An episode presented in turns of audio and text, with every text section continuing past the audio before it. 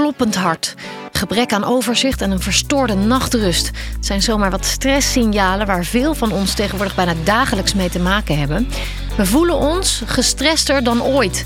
Hoog tijd dus om ons hier wat beter in te verdiepen. Want wat werkt nou tegen stress? Wat is het verschil tussen gezonde en ongezonde stress? En hoe ga je om met een gestreste collega? Je hoort het in deze podcast van Samen Gezond.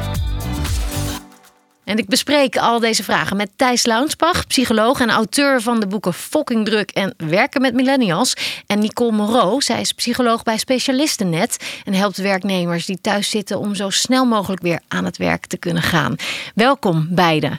Thijs, allereerst aan jou de vraag. Wat denk je? Is er sprake op dit moment van een stressepidemie? Ik denk het wel.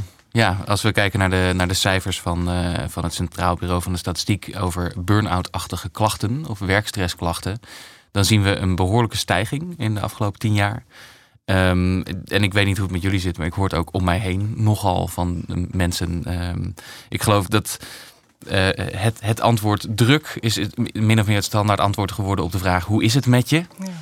Um, en ik hoor mensen om mij heen, uh, heel veel mensen om me heen klagen over werkstress, klachten en uh, vage klachten en uh, slecht slapen. Nou ja, die dingen die je net, die je net zei. Ja. Uh, dus ook de mensen die niet in een burn-out terechtkomen, hebben behoorlijk wat last van extra druk en stress momenteel. Denk ja, stressklachten zo gezegd. Nicole, merk je dat ook? Komen er meer patiënten met stressklachten bij jou in de praktijk? Ja, absoluut. Het is uh, zo dat, dat het oorzaak niet per se altijd begint bij hoge werkdruk. He, er kunnen ook wel eens andere klachten zijn waarom mensen uitvallen. Uh, maar de overhand wordt dan toch genomen door de spanning en door de stressklachten. Die komt er zeker bij kijken, absoluut. Ja. Hm. Nou, belangrijk dus dat we hier ons iets beter in gaan verdiepen. Ik heb een aantal stellingen. Laten we beginnen met de eerste. Je agenda loopt over. Je krijgt al stress bij de gedachte dat je je mail moet openen. Maar weet nog wel dat je een paar vakantiedagen over hebt. Dus dat wordt heel gauw een last minute boek om maar even lekker tussenuit te gaan. Nicole, een weekje lekker niksen aan het zwembad. Helpt dat tegen de stress? Dat helpt op dat moment als je geschakeld bent, helpt dat tegen stress. Absoluut. Als dat je ding is. Hè. Iedereen heeft natuurlijk zo zijn voorkeur. De een gaat graag op vakantie aan het zwembad liggen. De andere wil actief zijn. Uh, op dat moment zul je zeker even gaan ontstressen. De vraag is even hoe lang het duurt voordat je daar bent. Want meestal met de koffers pakken en uh, met de tickets regelen en alles. Nou, dat, dat, nou, de stress loopt al meteen weer op. Uh, vaak nog snel even voor de vakantie het een en ander doen. Dus met andere woorden, voordat je op vakantie op, aan het zwembad ligt, dan, oh, nou, dan duurt het wel even een paar dagen voordat je ontstress bent. Um, en je zult dan waarschijnlijk wel echt even in de ontspanningsmodus komen, zeker. Ja. De vraag is alleen, lost dat het op? En ga je dan als je terugkeert uh, weer naar je werk, ja, hoe snel zit je dan weer in, het, in de werkdruk? Nou, waarschijnlijk binnen nou ja, een moment, een dag. Afzienbare tijd. Ja. ja. dus dus uh, korte termijn ja, is het even lekker. Uh, maar op de lange termijn zal er wel meer moeten gebeuren dan alleen de vakantie. Thijs, hoe kijk jij daarnaar? Ja, weinig aan toe te voegen. Behalve dat een vakantie niet per definitie uh, stressvrij is. En juist omdat je gaat naar een andere omgeving. Dus dat betekent dat je moet nadenken over dingen waar je normaal niet over na hoeft te denken. Ja. Um, en je moet, uh, nou ja, als je wil dat je vakantie ontspannend is, dan moet je daar je programma wel op aanpassen natuurlijk. Als je op vakantie ook nog probeert de Lonely Planet uit te spelen, dan is dat niet uh, Tenzij dat je echt je ding ja. is natuurlijk, hè? dat je dat lekker wil kunnen afvinken. Uh, dat is waar. Maar uh, ja, als je echt wil ontspannen of als je tot rust wil komen, dan is dat niet de ideale strategie. Nee. Maar we hebben het nu over ontspannen als wel een belangrijke factor voor het loskomen van die stress. Een van de, denk ik, ja. ja. Ik denk dat als jij de, de, de, dingen die jij net beschrijft al spanning krijgt op het moment dat je je e-mailbox opent, dan is er wel iets meer aan de hand. En ineens ja. waarschijnlijk je basisspanning ook al dermate hoog tegen. Uh, dat dingen sowieso snel heel stressvol worden. Mm. Um, en we weten dat ontspannen zeker belangrijk is in, in, in, hoe je kunt omgaan met de spanning in je leven. Maar er zijn nog veel dingen, veel andere dingen die, die ook heel belangrijk zijn. Slapen, gezond eten, um, uh, momenten van weinig prikkels hebben, uh, sporten, al dat soort dingen zijn heel erg belangrijk in het omgaan met stress in ja. ons leven. Structurele uh, manieren eigenlijk om die stress tegen te gaan. Ja. we hebben het nu al steeds over stress, maar Nicole, wat is dat nou eigenlijk? En wanneer kom je op een punt dat stress iets is waarbij je hulp moet gaan zoeken, bijvoorbeeld door te praten met een psycholoog? Ja, ja stress is eigenlijk natuurlijk het stukje de spanning die, die op gaat komen in je lichaam, de reactie in je lichaam. Um, en dan met name natuurlijk aanhoudelijke, geestelijke belasting of druk. Dan hebben we het echt over een stukje stress. En um, nou, stress is hartstikke goed om te hebben. Dat is heel effectief.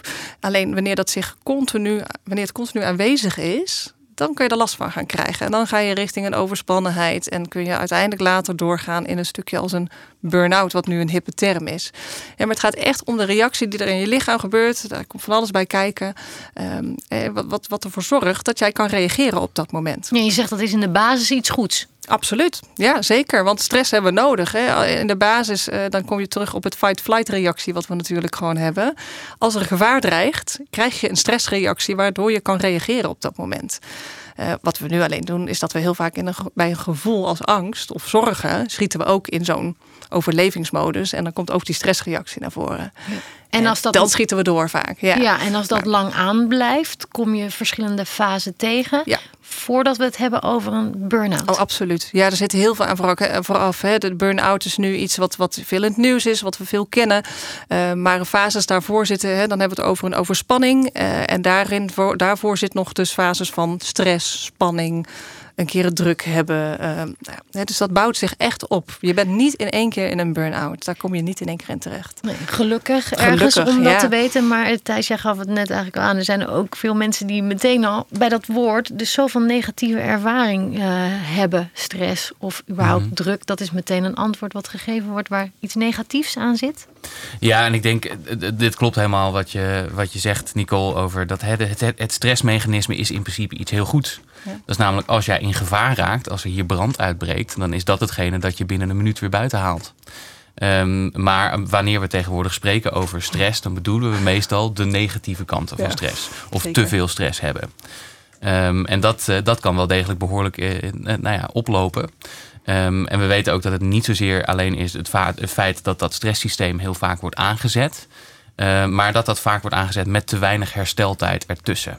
Dus je kunt als mens best wel wat stress aan op het moment dat je dat maar compenseert met genoeg rust en genoeg momenten van weinig prikkels en herstel.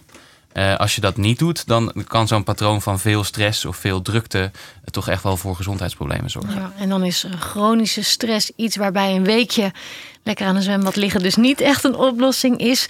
Uh, daar is een structurele aanpak uh, voor nodig. En pas als dat allemaal uh, onmogelijk wordt voor jezelf, is het toch wel fijn om daar hulp in te schakelen.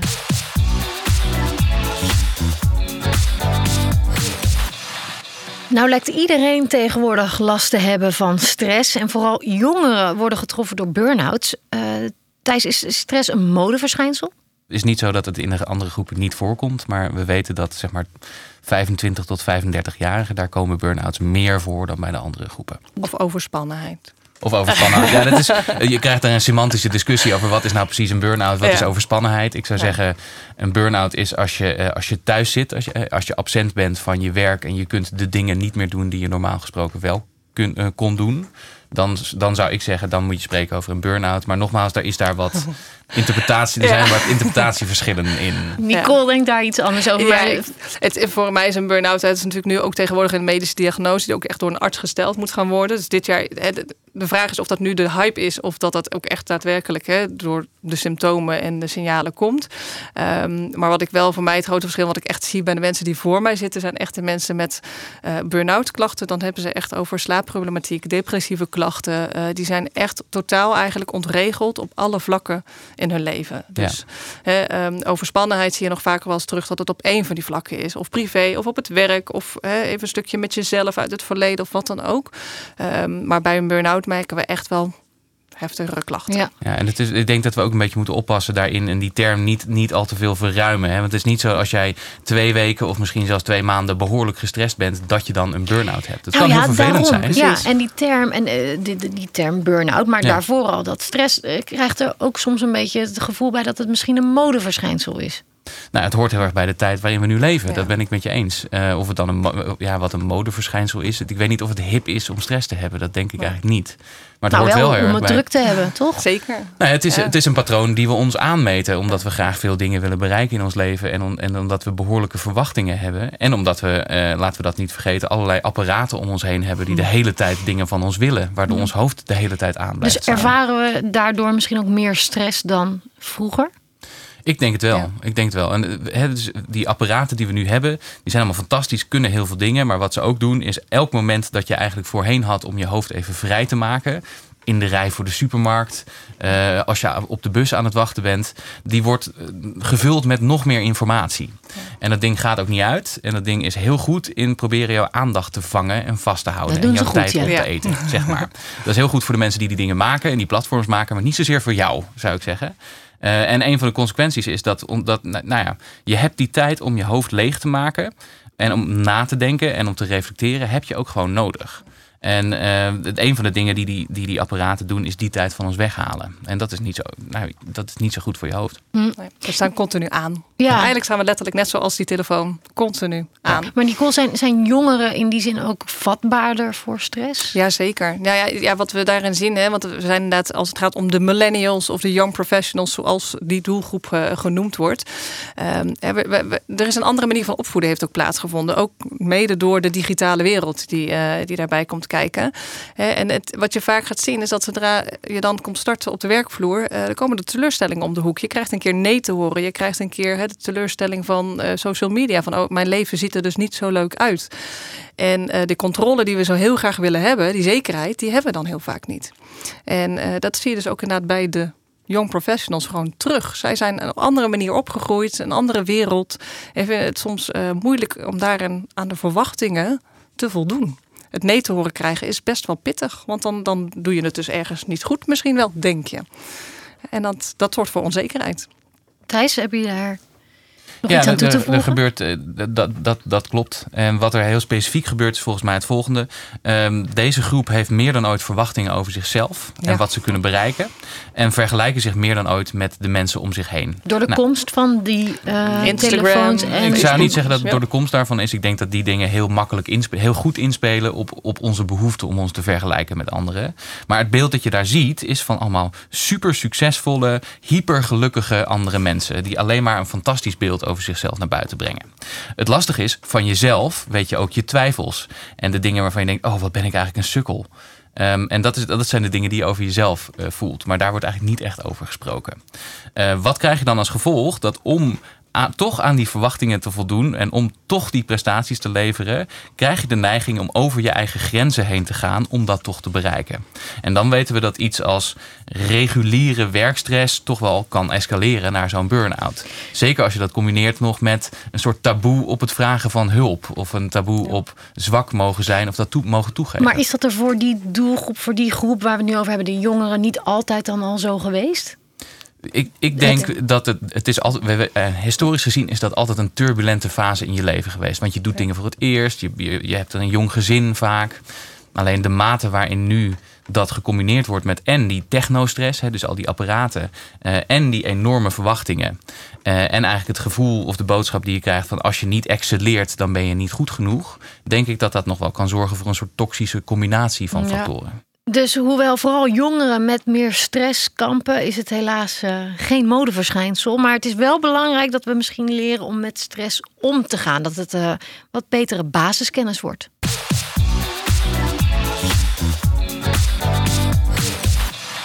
Oké, onze luisteraars die hebben ook nog wel wat vragen over stress. Hier komen ze. Nicole, voor jou de eerste.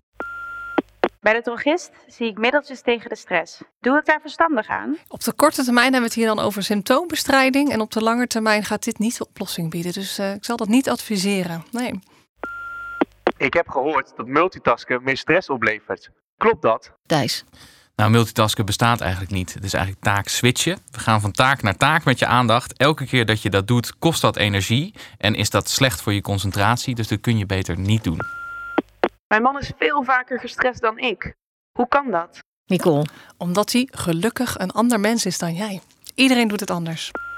Als ik gestrest ben, neem ik graag een wijntje. Kan dat? Is dat uh, verstandig, Thijs?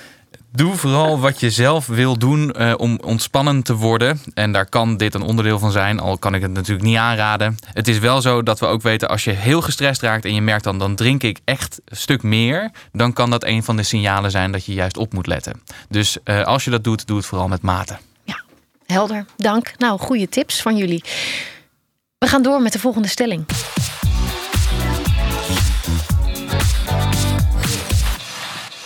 Dan is de volgende vraag eigenlijk: hoe ga je nou om met andermans stress? He, bijvoorbeeld een uh, gestreste collega. Daar kan je volgens mij maar beter bij uit de buurt blijven, want stress kan dan echt besmettelijk zijn. Uh, Nicole, hoe doe je dat? Moet je met een grote boog om die collega heen? Als je hem niet zo aardig vindt, gewoon doen. Hoppa. nee, nou, weet je wat is? Kijk, eh, wat stress ook weer doet, en dat is een heel mooi positief effect van stress, is dat het ons socialer maakt. En eigenlijk juist verbonden. Wij zoeken elkaar echt op als we gestrest zijn. Uh, is ondanks, dat zo? Ja, eigenlijk wel. Ja, wat je heel graag wil in de negatieve stressvorm, hè, de positieve stress, dan wil je lekker gewoon door en heb je de focus. Uh, wanneer je in de negatieve variant zit van de stress, inderdaad, dan is het zo wel dat je eigenlijk het liefste, nou ja, wat we als kind al willen, gewoon die arm om je heen jeetje joh, vervelend, oh wat erg. En even die knuffelen als het ware van nou kom, we gaan weer verder. Um, dus wat we eigenlijk wel doen is inderdaad vaak onze stress toch op een manier proberen te delen met onze omgeving. Dus ook met je collega's. Ja, ventileren. Ja, het is ook af en toe echt wel heel erg lekker om even de baas zwart te maken en te denken van oh, wat een uh, vervelende man op zijn tijd. Dat, dat, dat zorgt ook voor een stukje verbinding met elkaar namelijk. Wat je niet moet doen, is het adopteren. Dat is, de, dat is de, inderdaad het allermoeilijkste. En dat doe je door jezelf je eigen grenzen goed te bewaken. Hè, uh, en niet meteen te vragen, goh, wat kan ik voor je doen? Want dat doen we heel snel. We zijn geneigd om te gaan vragen, wat kan ik je helpen? Maar om eerder te kijken, goh, joh, jeetje, wat vervelend. Uh, nou, goh, wat willen we eraan doen? Hè? Wat, wat zou een oplossing kunnen zijn? En hè, hoe ga je het aanpakken om mee te denken? Mee te denken in plaats van iemand echt te helpen. Wat vind jij tijdens een gestreste collega? Kan je die niet beter te hulp schieten? Nee, dat denk ik niet. En er zijn eigenlijk twee verschillende dingen. Um, het lastige is Um, ik, twee verschillende antwoorden. Want je, hebt, je hebt mensen die in, in een burn-out komen. En dat, daar, daar past één manier van ermee omgaan. En je hebt ook iets op over de werkvloer waar ik nog iets over wil zeggen. Um, het lastige aan gestrest raken is dat je zelf minder goed jezelf in de gaten houdt. Dus dat je juist minder waakzaam wordt op die signalen van stress. Wat heel lastig is, is een heel vreed grapje van de natuur eigenlijk. Maar bij jezelf heb je het bij over. Bij jezelf, ja precies. Uh, het punt is, de mensen om je heen zien vaak wel bepaalde signalen bij je. En dat kan best wel helpen, zeker in een werksituatie. Op het moment dat je met elkaar afspreekt, dat je ook wel dat je elkaar kunt aanspreken daarop. Als het, uh, als het benoembaar is. Omdat je dingen van jezelf niet per se ziet. Um, dus als je dan. Dus je hebt het over een, dan moet er een open werksfeer zijn waarin je elkaar uh, de spiegel voor kunt houden. Ja, van ik heb jij nou uh, deze week al in twee vergaderingen het nog wel, nogal zagrijnig uit de bocht horen komen. Uh, is er iets gaande? He, dus als je, als je open genoeg bent om daarover te kunnen praten, dan kan dat helpen. Dan kan dat inzicht verschaffen. Dat is iets anders dan hoe je omgaat met mensen in je omgeving die een burn-out hebben. Want dat is altijd ook wel een vraag. Hè, van hoe ga je nou om met die geliefde of die vriend of die, uh, die mensen die, die heel erg dichtbij je staan, familielid, um, die een burn-out hebben. Um, dan wat je daarvoor moet weten is dat eigenlijk advies geven niet goed helpt. Nee. Dat goed is uh, advies. Nee. Precies. Het is eigenlijk uh, ook min of meer les 1 bij psychologen. Geen advies geven. Omdat advies geven uh, A, bijna nooit aankomt. En B, zorgt ervoor dat het gesprek op slot gaat. wat je ook niet moet doen, denk ik, is mensen zoveel mogelijk aansporen om... Um, ja, ik weet dat ik zie je, ik zie je kijken. Ik weet dat dit heel paradoxaal klinkt als ik zo een aantal adviezen geef over geen adviezen geven. Uh, maar toch, het is een soort meta-advies. Um, luister, maar wat, wat, ook niet per se helpt, is als je mensen er doorheen wil helpen. Dus dat je elke dag om acht uur met je sportschoenen aan op de stoep gaat. Van oh, we gaan nu Kom. samen sporten, ja. zeg maar. Wat wel heel goed werkt, is als je, als je zegt: um, ik, denk, uh, ik denk over je na, ik ben, ben met je bezig. Ik wil uh, graag, ik, ik wil van hulp zijn als dat kan, maar dat betekent dat het initiatief daarvoor bij jou ligt. Dus laat weten wanneer ik iets voor jou kan doen. En wat ook helpt, is samen erover praten en open vragen stellen daarover. Nogmaals, niet met wat kun je nu in je leven en in je werk allemaal anders gaan doen. Maar met hey, hoe is dat nou voor je en wat is jouw ervaring hiervan? Want het inderdaad, het ventileren daarover werkt natuurlijk wel. Ja, de dooddoeners zijn echt in dat stukje van: oh, wat ik altijd doe is. Ja. Oeh, ja. Maar, dat, is ontzettend moeilijk. Kijk, voor jullie ja. is het jullie werk. Maar als je iemand tegenover je hebt die je dichtbij staat, dan wil je ja. natuurlijk wel helpen. Dan ben je denk ik heel snel geneigd om toch ja. met uh, niet alleen een luisterend oor, maar ook adviezen te komen. Dat is moeilijk voor ja, dat zeker uit te schakelen. voelen als, als, dus dan maar beter niks doen. Zo klinkt het een beetje. Nou, niet dan maar, maar beter niks. doen. Maar het kan inderdaad voelen als een soort als een ongeluk dat zich in slow motion aan het voltrekken is. He, je kan niet zoveel doen. En dat is ook een, in het, dat is het paradoxale in het omgaan met iemand met een burn burn-out is dat je, dat je dus eigenlijk je, je hulpreflex even op moet geven. Maar ik wil toch nog even terug ook naar de werkvloer. Hè? Ja. Want als we daar nu een gestreste collega hebben en, en, en je zegt van oké, ik kan je wel benoemen wat ik zie dat er gebeurt, maar eh, ja. Het werk gaat ook gewoon door. Eh, Misschien moet je taken overnemen of toch iemand te hulp schieten. Echt concreet. Eh, is dat verstandig? Nee, ik, ik, zou, ik ben dus niet zo heel erg van bemoeihulp. Ik zou zeggen, je moet open, ervoor openstaan voor als mensen hulp vragen aan je. Of als mensen aangeven, ik heb hulp nodig. Maar, Maar, maar het werk moet af. Er moeten Ja. dingen doorgaan. Hoe en daar is je het echt, op? eh, ook voor jezelf, hè, dat, het is heel belangrijk om dan eerst even te kijken hoe zit ik er zelf bij. Hoe is mijn niveau van stress op dit moment? Is het nog in goede mate of hè, zit ik ook op het randje? Ehm, hè, want natuurlijk, je kan altijd inderdaad even kijken van met overleg met een collega van nou goh, hè, eh, eh, zal ik dit vandaag even voor je overnemen? Dat kan, maar je moet wel beseffen dat je daarmee het niet de oplossing biedt voor die collega zelf. Hè. Dat is meer aan de hand. En daar moet die persoon wel mee aan de slag. En daar zul je wel over met elkaar dan in gesprek moeten. Van, hè, maar hoe verder? Ja. Je kan niet alles overnemen, want inderdaad, die deadline die is er. Maar even heel flauw, die deadline is er morgen ook nog steeds. Ja, precies. Tijd is geld, meer In maar- hoeverre is het dan jouw verantwoordelijkheid om echt dat van die ander op te lossen? ja, niet, Niet? dus. Nee, Nee, dat zou, niet. dat zou, en wat je ook nog eens doet, je, je ontneemt die ander de mogelijkheid om zelf hulp in te Ja, schakelen. precies. Eh, dus dat zou, ik- daar zou ik niet zo heel erg voor En dat zijn. is eigenlijk het belangrijkste bij stress. Iemand zelf, moet zelf eh, de signalen ook eh, gaan ervaren. Ja. Om te zorgen dat er een oplossing Ja, je kan kan het dus niet voor iemand oplossen. En eh, wat, je je geeft ook een heel raar signaal als je zegt: Oh, doe mij maar extra werk van Ja. jou, want jij haalt het nu niet. Ja. Dat is, dat is enerzijds nogal kleinerend en, en anderzijds je haalt iemands controle weg daarmee. Dus dat, eh, dat zou ik niet doen. Een rol voor de werkgever, is die nog weggelegd, eh, Nicole? Zeker. Ja, ik denk dat daar in een stukje qua bedrijfscultuur sowieso nog heel veel in te doen. eh, als het gaat om open eh, en eerlijk met elkaar in gesprek gaan over hoe de werksituatie ervoor staat. Ehm, hè, want we, nu gaan we gewoon vaak door in de waan van de dag. In plaats van eventjes eh, met elkaar te kijken hoe, hoe gaat het nu eigenlijk. Hoe zie je dat Ehm, voor je in de praktijk? In de praktijk, nou laten we overleggen nou eens een keer beginnen met gewoon even de vraag: jongens, hoe staat het ervoor met iedereen aan zich als medewerker? druk, druk, zeg je. Ja, en wat gaan we daaraan doen en hoe, hoe gaan we daarmee om met z'n allen? Hè? En vooral ook om eh, de positieve sfeer er wat meer in te brengen. We zijn ontzettend goed hè? als je kijkt naar vergaderingen, overleggen. We beginnen altijd maar met nou, wat er allemaal niet goed gaat en waar we iets mee gaan doen en wat anders moet. En wat in plaats van nou eens een keer ook eens een desnoods een heel overleg te over te besteden aan wat gaat er nu goed? Wat doen we nu goed met, met z'n allen hier? Hè, wat hebben we bereikt de afgelopen tijd? Die evaluatiemomenten zijn zo belangrijk om ook even de positieve sfeer er weer in te houden. Want dan krijgt iedereen even dat schouderklopje. En dan krijg je dus weer, weer balans in die werkstress. En het, Ja. ja. En Thijs, eh, eh, hoe kijk jij naar die eh, 24-7 bereikbaarheid die er nu eh, is? Ja. Want het werk gaat natuurlijk eigenlijk altijd door. Hè? Zeker. Je kan het even kort oplossen, hebben we het net over op de En werkvloer. en ik denk, maar dat dat, denk dat dat ook onderdeel is van, van de verantwoordelijkheid van een werkgever. Kijk, ik Ja. denk. Omgaan met stress is een individuele verantwoordelijkheid. Dat moet je zelf doen. En dat is, eh, daar komen we niet onderuit, denk ik. Dat kan niet iemand anders voor je oplossen. Maar dat wil niet zeggen dat niet je werkgever ook nog eens behoorlijk wat eh, verantwoordelijkheden heeft. Eh, ik zou zeggen, een van die verantwoordelijkheden is dat er hulp aanwezig is. En dan het liefst hulp niet op het moment dat je al bij een burn-out terecht bent gekomen. Want dan ben je eigenlijk, dan, dan zit je er al heel lang aan vast. En dat is eigenlijk een hele late fase. Maar hulp als je al wat stress begint te voelen. Of als je merkt, ik zit een beetje in het rood. Eh, en daarnaast is denk ik, eh, heeft de, heeft de werkgever een behoorlijke verantwoordelijkheid in het scheppen van een gezonde werkomgeving. Nou, wat is een gezonde werkomgeving? Een plek waar mensen niet per se achter hun laptop aan het lunchen zijn. Waarin mensen af en toe een wandelingetje doen. Waarin gezonde voeding aanwezig is. Waarin je eh, naast hele ernstige activiteiten ook wel eens een leuk spelactiviteit doet. Ehm, en een plek waar je niet de hele tijd onderbroken wordt. Het ziekteverzuim in een kantoortuin gaat met 40% omhoog. Eh, en op het moment dat je collega naast je begint te bellen, gaat jouw concentratie en van alle andere mensen in die kamer met 40% naar beneden.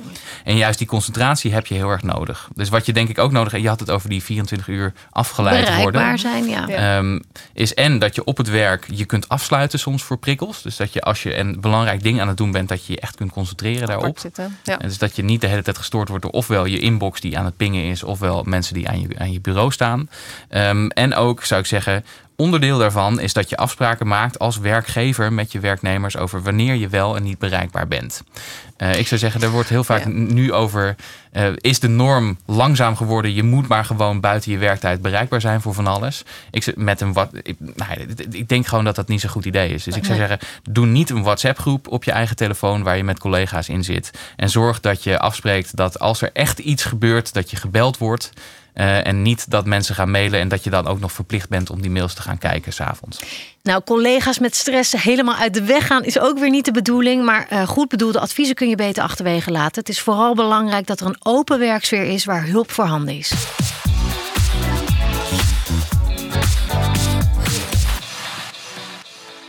Stress is levensgevaarlijk, dat horen we vaak. Is dat inderdaad zo, Nicole? Is stress eh, daadwerkelijk levensbedreigend? Als jij erin gelooft dat het slecht voor je is, dan, je, dan zie je uit onderzoek ook dat het inderdaad ook daadwerkelijk ongezond is. Ja. Dus dat als jij erin gelooft dat jij van de stress, hè, dat dat heel negatief voor jou is, negatieve uitwerkingen heeft op je lichaam, dan zie je dat die effecten ook daadwerkelijk er zijn. De keerzijde is er gelukkig dus wel dat als je erin gelooft dat het gezond kan zijn ook, dus dat de mate van stress ook goed en helpend is, dan zie je juist dat, hè, dat je er gezonder van wordt bijna zelfs. Oké, dat is dat nog wel moeilijk voor te stellen Absoluut, dat dat ja. zo werkt. Maar is er nog een verschil tussen eh, zeg maar eh, stre- goede stress en eh, slechte stress, om het zo te zeggen, acuut versus die chronische stress Ja, waar we het al eerder over gehad hebben? Ja, nee, kijk, de acute stress, dat is absoluut iets wat, wat vaak heel erg helpend is. En wat je op dat moment alerter maakt en ervoor zorgt dat jij goed reageert. Die chronische stress, dat is dan de stress waarin je gaat kijken van dat is vaak niet goed. Omdat er dan bepaalde levels van hormonen in je lichaam zijn. Wat uiteindelijk geen goede uitwerking zal gaan hebben. Ja. Thijs, jij vergelijkt zo'n langdurige stress ook wel eens met een, eh, met een blessure. Ja. Eh, kun je dat eens uitleggen? Ja, maar misschien mag ik ook nog even reageren op deze vraag, want hij, hij is wel interessant. Ehm, eh, ik denk dat we echt wel een onderscheid moeten maken tussen. Er is, ehm, er is niks mis met een actief leven leiden en een dynamisch le- leven waarin je dingen doet die uitdagend voor je zijn. Sterker nog, dat is onwijs goed voor je hersenen. Dus je maakt nieuwe hersencellen aan, je maakt nieuwe verbindingen in je hersenen aan. Maar wat Nicole zegt klopt, er is wel een verschil daartussen en chronische mate van te veel stress hebben.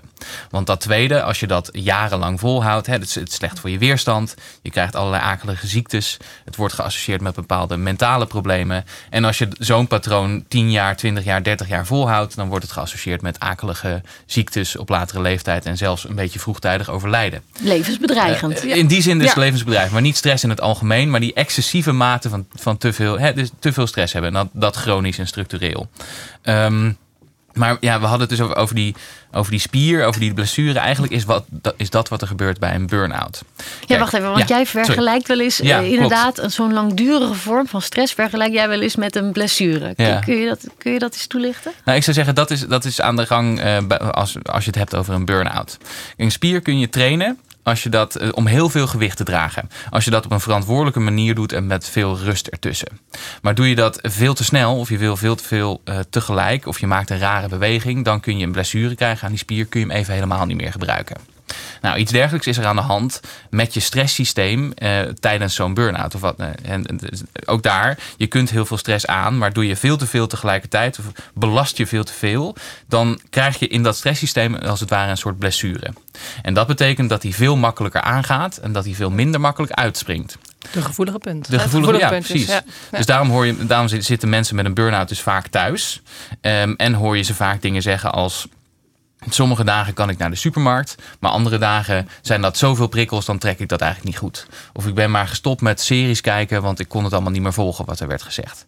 Met andere woorden, wat er gebeurt is dat je stresssysteem zo staat afgesteld dat je, van, dat je heel gestrest wordt van situaties waar je normaliter helemaal niet zo gestrest van raakt. Helder, ja. Ja. Eh, dat zie je dus aan de buitenkant niet, maar er gebeurt van binnen heel veel. En die mensen zijn dus gewoon iets minder belastbaar een tijdje lang, tot ze genoeg rust hebben genomen en, en langzaam weer zijn begonnen met werken. Ja, en als je dat dus niet doet, die langdurige, hè, die, bur- die burn-out goed eh, weer langzaam opbouwen en je Mhm. rust pakken, maar gewoon door, door, door, door, doorgaat.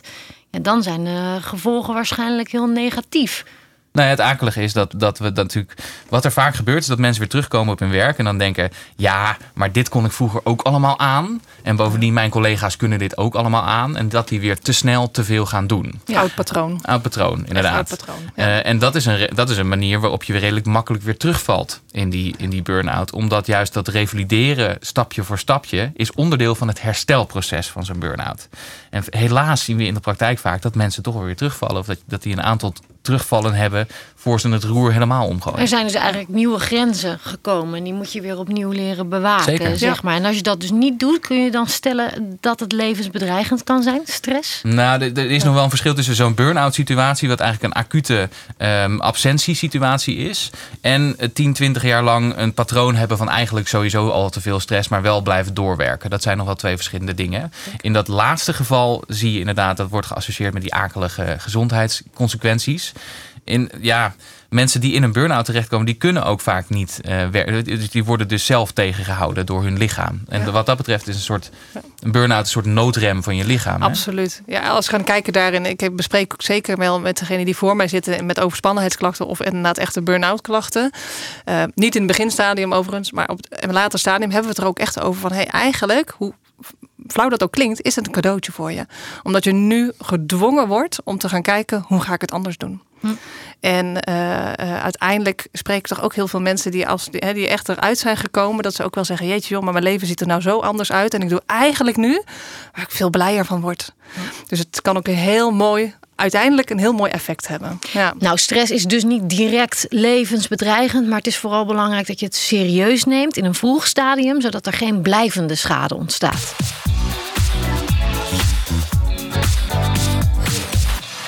Komen we bij eh, de laatste stelling alweer.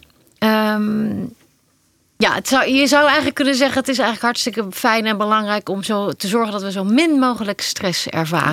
Nee, nee, nee, allen. nee, nee, Een nee. leven zonder stress, dat zou toch Zijn we heerlijk het alle twee zijn? niet meer eens? Alle Nee. twee, nee. Nee, inderdaad niet. Nou, Thijs. Nee. Nee, ja, dat, dat, is, dat is echt een misvatting. Dus het stresssysteem is heel belangrijk. Je kunt ook te weinig gestrest zijn. Dat is, ons lichaam maakt ook sowieso een beetje cortisol aan gedurende de dag. Dat is een van de stresshormonen. En dat heb je ook nodig om te kunnen presteren. En om te kunnen focussen, doelen te stellen. eh, Te zorgen dat je net even een tandje extra kunt geven. Dus dat is ook allemaal wat het stresssysteem doet. Ehm, Stress. maar, Ja, sorry, ga Nee, verder. ja, ja. Maar ehm, doe je dat te veel? Hè? Er is zelfs een punt van optimaal presteren. Maar dat is eigenlijk dat je precies gestrest genoeg bent, maar niet te gestrest. En dat is, dat- hè, mensen noemen dat ook wel eens flow. Dan zit je in een soort staat waarin dingen vanzelf gaan. En dan ben je precies het goede spanningsniveau. Dat is heerlijk. Als je daarna stress toevoegt, dan kom je in het rood terecht. En hoe meer je dat doet, hoe, hoe dieper je in het rood terechtkomt. Dat is de slechte vorm van stress. Dus zeker, leid een actief leven, leid een dynamisch leven. Doe dingen die je interessant en, en uitdagend vindt. Maar zorg dat je dat genoeg compenseert met rust. Balans. Is die weer? Balans, Balans, ja. wij, wij hebben het ook over een stoplichtmodel eh, binnen een van onze trajecten. eh, waarin je dan inderdaad kijkt, van, je kan leven in het groen. Dan is er wel wat spanning, maar niet zoveel. Je hebt oranje, nou, dat is een verkeerslicht. Dat weten we allemaal, gassen of remmen. Dat bepaal je per situatie. En rood betekent stoppen. Nou ja, en weet je, af en toe in oranje, we rijden allemaal wel eens door oranje. We gaan allemaal wel eens even daar gassen. Dus dat, dat is prima. Soms kan je net dat extra tandje spanning of stress aan. Maar we willen zoveel mogelijk wel zorgen dat die balans er is. En dat je dus niet continu maar door oranje of rood rijdt. Dat Nee. is niet goed. Maar helemaal stressvrij, dat is dus helemaal niet, je eh, niet de doen, moet je bedoeling. niet willen. Slecht voor je nee, hoofd. dat wil je niet. Oké, duidelijk, duidelijk. Die stress is dus toch nog wel ergens eh, goed voor. Zeker. Dank jullie wel voor jullie komst. Eh, we hebben weer een hoop geleerd volgens mij. Ben je nou benieuwd hoe het zit met jouw stresslevels? Dan kun je gaan naar samengezond.nl slash stresstest. Doe daar de stresstest, dan weet je meteen meer. Ik wens je voor nu een heel fijne dag met natuurlijk voldoende rustmomenten.